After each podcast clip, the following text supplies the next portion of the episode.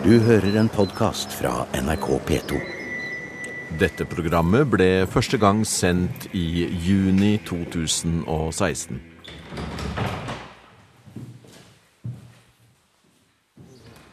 There's. Yeah. It's just covered with them when you start to look until you you don't see anything. Museum er i Trondheim, i Nidarosdomen. En engelsk turist undrer seg over hva Trond Norén Isaksen ser etter der han nærstuderer ristninger i en stein på katedralens sydside. uh, And this is from the first king was a Swedish nobleman of this family who tried to seize the crown of Norway in 1449. And this is the only physical um, reminder of that event in the whole cathedral. Trond Norén Isaksen ser etter det eneste fysiske minnet etter den første kongen som ble krona i Nidarosdomen. Det var kong Karl Knutson. Vi skal senere i programmet tilbake til eh, dette minnesmerket og få historien om eh, kongen. Dette programmet skal eh, handle om kongekroninger. Og det har satt seg en eh, oppfatning av at alle norske kongekroninger har foregått i Nidarosdomen, men eh, slik er det slettes ikke, sier Isaksen. Han er historiker med betydelig kompetanse på monarkienes historie, og har nettopp gitt ut en bok som heter 'Norges krone'. Men nå skal vi til Stiftsgården og parken der, som om et par dager vil være festplass i forbindelse med kong Harald og dronning Sonjas feiring av sine 25 år på tronen. Ja, Stiftsgården er jo virkelig et av de flotteste byggverkene i Norge. Det Og faktisk noe som helt fint kan måle seg med det man finner i København og andre. Det er jo et europeisk adelspalé i stor Ja. målestokk, bare at det er oppført i tre. da. Ja. Og det gjorde jo at mange den gangen da det ble Altså det er bygd i fullført i 1778, og mange fryktet jo da at dette var Altså de så det var veldig flott, men de frykta at dette her kom ikke til å vare. Nei. Fordi at alt som er i tre, brenner jo. Men her er vi 250 år seinere, og Stiftsgården står fortsatt i all sin prakt. Ja. Så Og hvis det blir brann, så sies det at brannvesenet i Trondheim har en eh, maksimal utrykningstid på 45 sekunder. Så at det er sånn at uansett hva annet som brenner i Trondheim, så prioriterer man Stiftsgården. Og det kan man jo forstå. Og her altså skal det være festligheter. Altså, det er det Kongeparet kommer til Trondheim den 22. juni. To dager i Trondheim, akkurat de dagene hvor det er 25 år siden de ble signet. Eh, Og så da klokka 12, nei, klokka 10 den 23. juni så er det en folkefest nede i Ravnkloa. Så er det festgudstjeneste i domkirka klokka 12, og så er det da hageselskap her ute klokka halv fire. Med 600 gjester i Stiftsgårdsparken. Kan bli litt trangt, men uh, de har brukt det før. altså Da Märtha Louise og Ari Behn giftet seg, så hadde man jo også stort telt her. Akkurat. Man spiste bryllupsmiddagen. Ja. Da Oskar 2. ble kronet, så hadde man vel også en sånn stor fest i et sånn tilbygg som har blitt reist eh, på baksida av Stiftsgården. Som visstnok var en uh, dundrende suksess. Det sies at eh, flere av kammerherrene måtte oppfordre gjestene til å gå hjem ganske mange ganger før de til slutt var villige til å gå. Ja De siste, siste som gikk, var prostene, står det i Å ja. en, eh, Det en kilde. Ja. Så, De tok for seg. ja, I dag, I dag er det barnehagebarn som eh, tester plassen. det er det. Det er Med flotte vester og greier. godt synlig med refleksvester, ja. Nå går vi i Munkegaten. ja. Ja, det er passende, det. Kroningsprosesjonene pleide å gå fram fra Stiftsgården til eh, Nidarosdomen, så gikk da unionskongene i en eh, storslått prosesjon. Ja, her vi går nå, rett og slett. Ja, eller bare Ja. midt i gata. Ja, ja, ja. Og det kan ikke vi. Nei. Eh, men dette var jo den delen av kroninga som var mest tilgjengelig for publikum. For at her bygde man jo svære tribuner, folk satt på hustakene. Det fins fotografi fra Oskar 2.s kroning i 1873. Men kong Haakon nektet i 1906. Han gjorde det helt klart at han skulle ikke gå i prosesjon. Og det førte jo til noen enorme protester fra folk i Trondheim, avisene, regjering, biskop, i det hele tatt kroningskomiteen forsøkte å få ham til å endre mening. Men han blånektet og ville i stedet kjøre i lukket vogn, som jo var veldig lite populært. Så da ble det altså slutt på tradisjonen. Og i 1958 og 1991 så har man jo kjørt i åpen bil, som jo gjør det litt lettere for publikum å Ja, se hovedpersonene. Ja. Men Kroningsprosesjonene var liksom folkets del av moroa. Eh, faktisk Norges eh, staseligste gate. Eh, Den er faktisk enda bredere enn Karl Johan. Ja, det vil jeg tro. Eh, Går eh, snorrett fra domkirka til eh, Munkholmen, som jo altså er trukket som en sånn perspektivlinje Ja. i tråd med barokkens bykunst. Og dette er jo den store byplanen til Johan Caspar von Cicignon, som etter at Trondheim brant i 1681, fikk i oppdrag av kong Kristian 5., blir det vel, å gjenreise byen, og som da anla en av disse veldig store barokke eh, byplanene, som for så vidt var litt for stor for eh, den lille provinsbyen Trondheim, men som kom til sin fulle rett da. Trondheim ble kroningsby, fordi at man nettopp hadde disse kroningsprosesjonene som da gikk fra Munkgata, opp Munkgata og tilbake.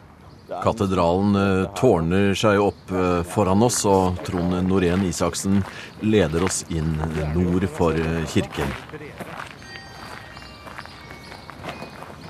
Lautan som er reist til eh, minne for eh, Ja. Trondheims eh, to eidsvollsmenn, blant andre Andreas Rogert, som jo var en av de som virkelig kjempet for at Trondheim skulle bli skrevet inn som kroningsby i Grunnloven i 1814. for det var det eh, strid om, eller kamp om. Det var det. Forslaget kom jo faktisk fra en sørlending, eh, nærmere bestemt Nicolai Wergeland. Men ja. dette var jo en eh, klassisk norsk lokaliseringsdebatt. For på Eidsvoll var det ingen som diskuterte om kongen i det hele tatt skulle krones. eh, Selv om han hadde egentlig slutta med det i store deler av Europa, fordi at det var noe som brøt ganske kraftig med opplysningstidas idealer, så etter Ja. kongedømmet av Guds nåde. Ja. Men i, på Eidsvoll så nøyde man seg da med å diskutere stedet. Oslo, Trondheim eh, eller kanskje noe helt annet sted. Det var en av disse spydige dagbokskribentene som skrev at for ham så var det samme om det ble Oslo eller Trondheim, så lenge det ikke ble på Rakkestad. Og det hadde vel kanskje ikke blitt eh, helt det samme. Men eh, det fantes jo argumenter for at det ville være altså, billigere å gjøre det i Kristiania, fordi Ja. at man da slapp å transportere kongen helt eh, til eh, Trondheim. Ja. Og hadde det ikke vært kroning der før òg? Jo, det hadde vært kroninger i Kristiania på eh, 1300- og 1400-tallet. Eller fra, i 1299 var vel den første i Oslo. Samtidig som hyllingene i dansketida også fant sted i Kristiania.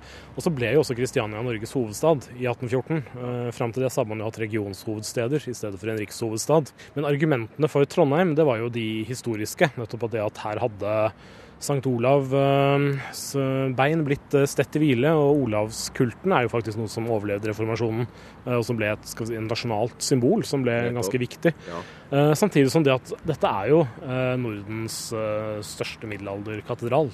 Og den gangen så lå jo halve domkirka i eh, ruin, så det var jo ikke like imponerende nå som det er nå. Det var jo faktisk kroningsparagrafen som reddet Nidarosdomen fra forfallet. Men alle de historiske minnene som knytta seg til eh, Nidarosdomen, det var nok det som gjorde utslaget. Fordi at når man da gjenvant sin eh, selvstendighet i i 1814, samtidig som nasjonalismen og patriotismen blomstra, så var man jo veldig opptatt av Norges gamle storhetstid. eh, Og de minnesmerkene som fantes av bygninger fra Norges forrige selvstendighetsperiode, det var jo ikke mange i det hele tatt. Eh, Det var jo stort sett Akershus slott og Nidarosdomen. Og så fant man jo igjen noen år seinere dette at Kornemagasinet Kornmagasinet, var det vel, på havna i Bergen, jo var den gamle Håkonshallen. Ja. Men dette var liksom da de tre bygningene som ble viktige. Eh, og Oslo domkirke er jo en 1600-tallsbygning som ikke på noen måte kan måle seg med Trondheims øh, katedral. Nei, nå står vi akkurat det er vi, vi er vel på, er på nordsiden nå. Det er vi, med den veien som fører opp mot fjorden. Ja. Det er jo Men hele skipet som vi nå har foran oss øh,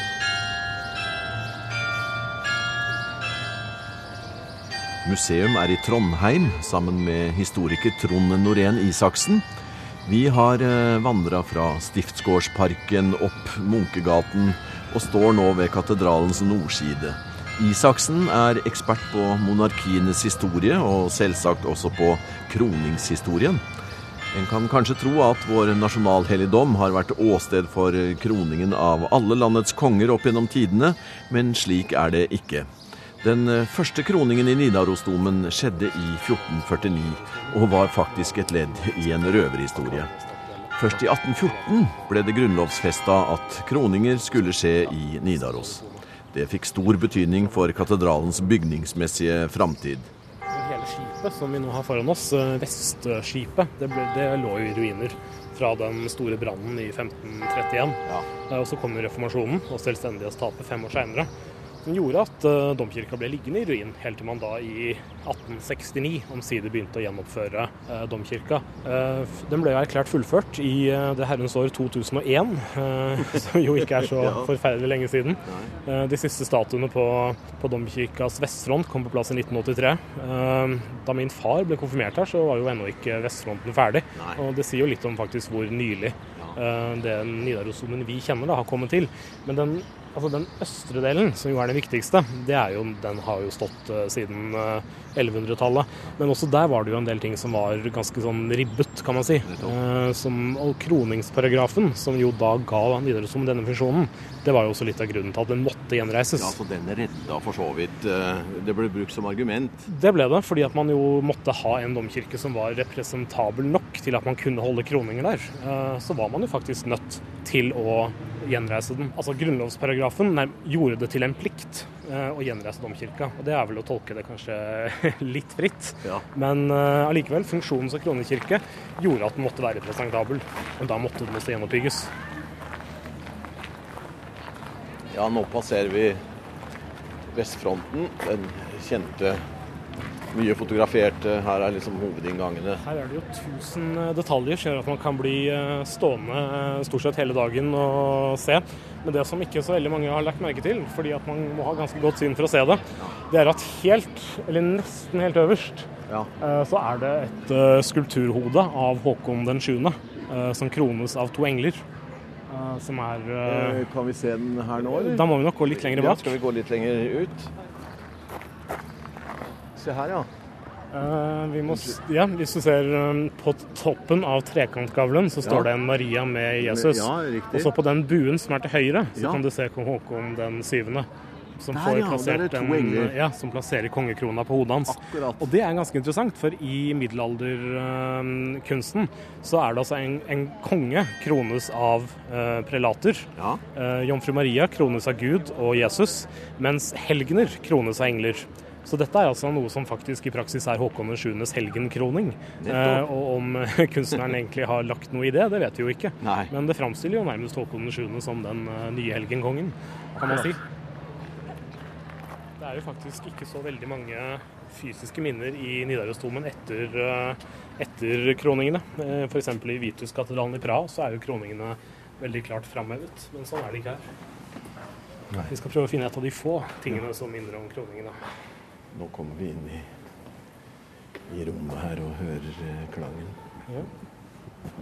Det skulle vært moro å hørt eh, ekko etter eh, seremonien av det som foregikk her. Ja, en kroning skulle jo alltid inneholde leve- og jubelrop, eh, hvor folket jo da eh, akklamerte sin nykronede og nysalvede konge. Så hvis man kan se for seg at det var en god del mennesker her inne, så ville jo det ha gitt relativt uh, stort gjenlyd. I 1906, som var uh, kong Haakons kroning, som var første gang siden reformasjonen at hele Nidarosdomen var i stand til å bli tatt i bruk, så fikk man jo presset inn 2332 mennesker i domkirka. Ja, og det er jo absolutt maksimale. I dag tror jeg ikke brannsikkerheten ville tillatt det. Nei. Men det hadde jo litt å gjøre med at Haakon eh, nektet å gjennomføre den tradisjonelle kroningsprosesjonen. Og for å kompensere for det, så sørget man da for å ta i bruk Vestskipet med litt sånn provisoriske forordninger. Sånn at eh, jeg tror det var ca. Ja, det var ganske, jeg tror det var 1000 eh, såkalt vanlige borgere som da også fikk plass i ja. domkirka ved kroninga. Det er jo fantastisk, altså. Disse orglene her nå som er både restaurert og Se der, ja! Nå snudde jeg meg rundt. Nå ser vi vel eh, sørover, blir det? Dette er sørover, ja. ja. Her i det søndre tverrskipet ja. så henger uh, Håkon den syvendes kongeflagg, som var det flagget som uh, fulgte ham under uh, andre verdenskrig, og som vaiet over det britiske krigsskipet Devonshire da han kom tilbake til Norge 7.6.1945. Og i november samme år så overrakte uh, kronprins Olav dette flagget til Nidarosdomen ved en uh, seremoni. Ja, ja. uh, og ved signinga i 1958 ja. og i 1991 så har man da tatt det ned fra der hvor det henger, Akkurat. og plassert det ved buen inn til oktogonen Akkurat, med riksbannere på den andre sida. Så det behandles jo nærmest som et, et relikvie etter Håkon den syvende. Faktisk, ja.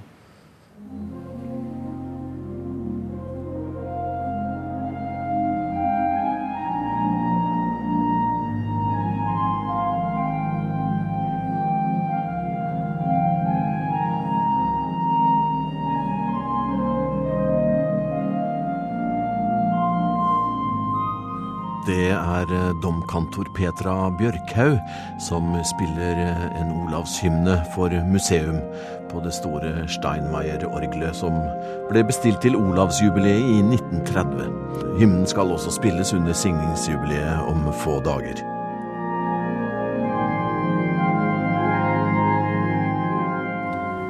Høyalteret som eh, står i Nidarosdomen i dag, det er noe som er laget eh, for å se litt ut som eh, St. Olavs helgenskrin Ja. skal ha sett ut ifølge Snorres beskrivelse. Ja. Men Dette er jo faktisk en gave fra kong Oskar 2. og dronning Sofie til minne om deres kroning i 1873. Akkurat. Så det er også et av de fysiske sporene etter Ja. kroninger i Nidarosdomens historie. Og det er jo foran her at uh, kongen, uh, kongene ble kronet, uh, og kong Harald, kong Olav og dronning Sonja ble signet. Når du snakker tilbake til kong Oskar, ble det beskrevet da? da? Da vet man vel hvordan det var? Ja, fra 1800-tallet så har vi ganske detaljerte beskrivelser av kroningene. Særlig Oskar 2.s kroning var en av de eh, mest vellykkede. Det var en dundrende publikumssuksess. Oskar 2.s kroning var faktisk også den eh, første kroning i verdenshistorien som ble fotografert. Så der har vi et eh, fotografi av Oskar 2. st- eh, sittende foran alteret her idet han får Norges krone plassert på hodet. Akkurat. Og det er første gang i verdenshistorien at man fotograferer dette aller helligste øyeblikket. En 30-40 år etter at fotografiet Nettopp. kom det. Men man hadde jo skal si, visse utfordringer med å fotografere inne i mørke Ja. katedraler. Men dette fotografiet er allikevel av veldig høy teknisk kvalitet for sin tid. Det er tatt eh, altså omtrent fra der midt i domkirka, der hvor uh, korsalteret står i dag, litt ovenfra. Men man ser helt klart og tydelig eh, at kongen selvfølgelig bakfra, med krona på hodet og purpurkappa, og biskopene som står eh, foran. Um, så det er faktisk veldig vellykket fotografi, ut fra de forholdene fotografen hadde å stri med den gangen, i fotografiets ungdom.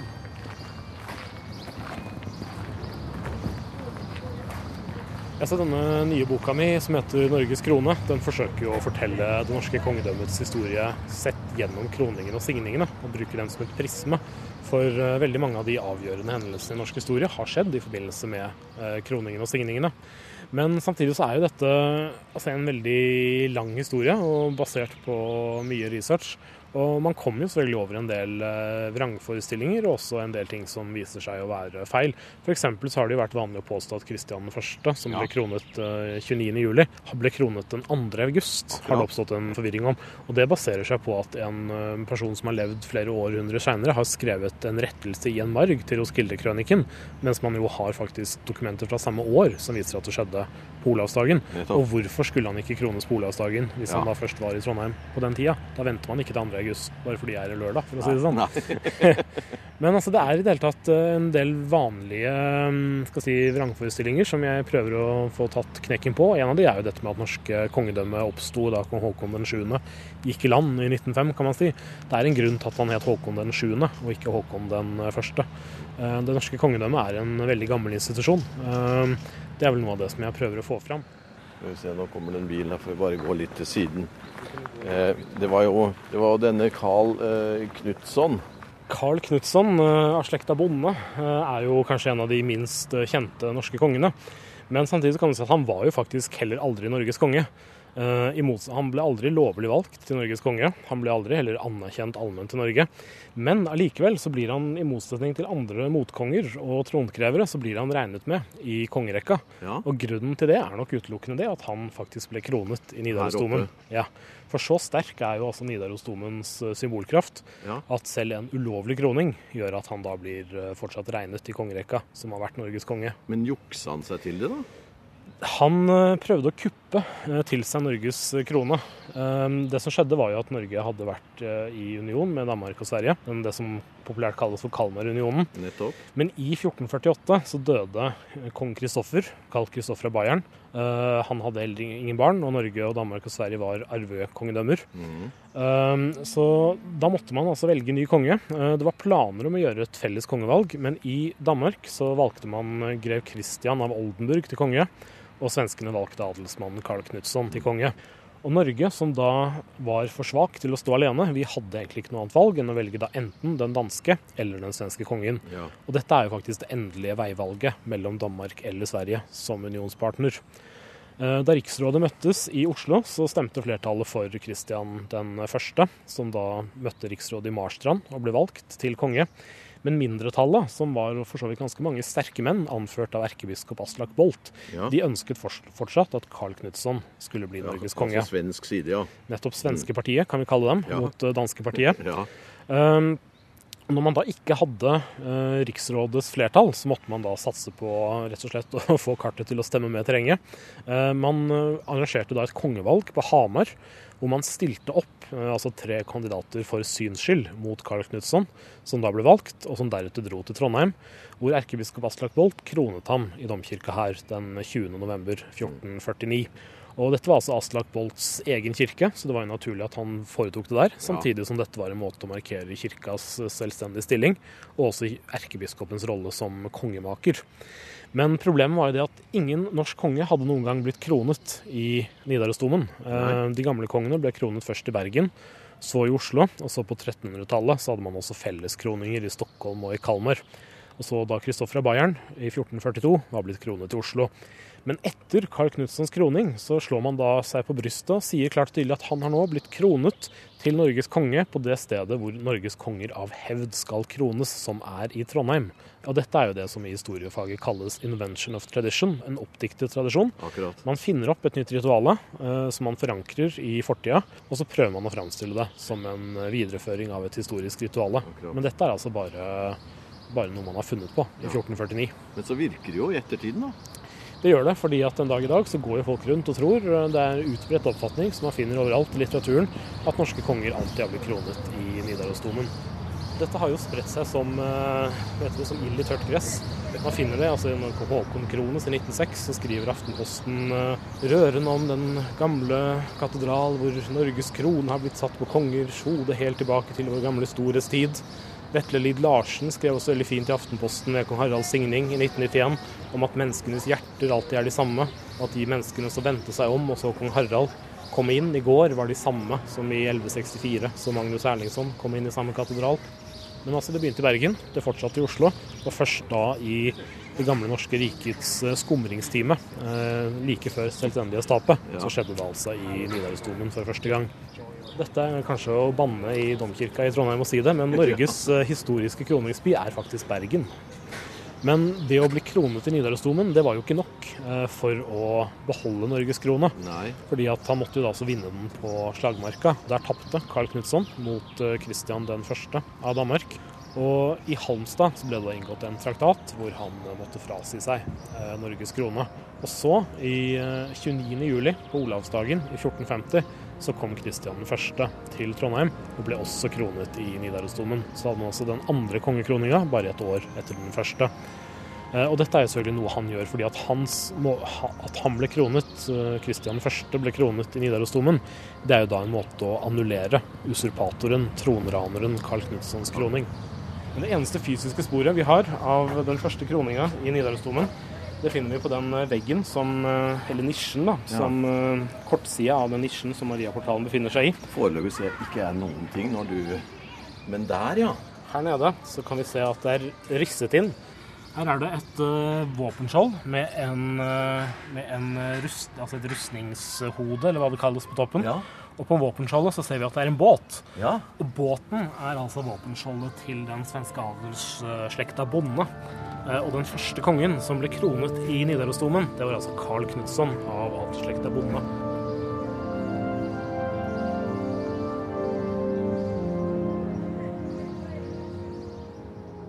Kirken er nå skilt fra eh, staten, og, og faktisk også kongen. Så eh, er det slutt nå?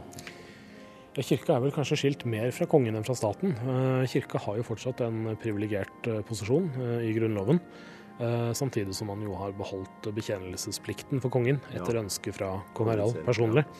Og jeg mener at de to tingene, og også det at kronprins Haakon og kronprinsesse Mette-Marit har gitt uttrykk for en personlig tro, de tre tingene kan i seg selv være en grunn til at man også kan gjennomføre en signing ved neste tronskifte, selv om eh, kongen ikke lenger er kirkas overhode, som kong Olav ga som en begrunnelse for hvorfor han ville bli signet.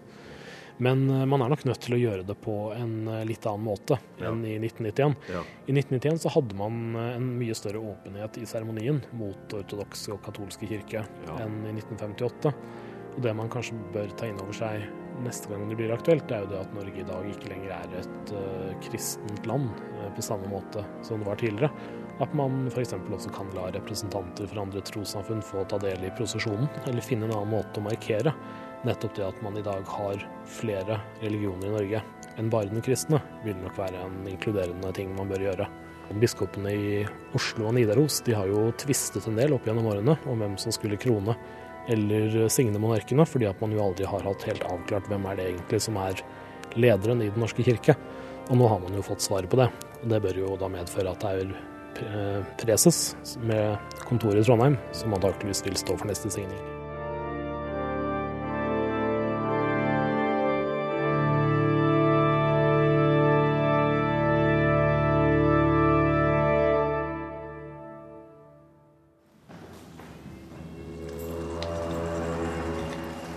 Du har hørt en podkast fra NRK P2.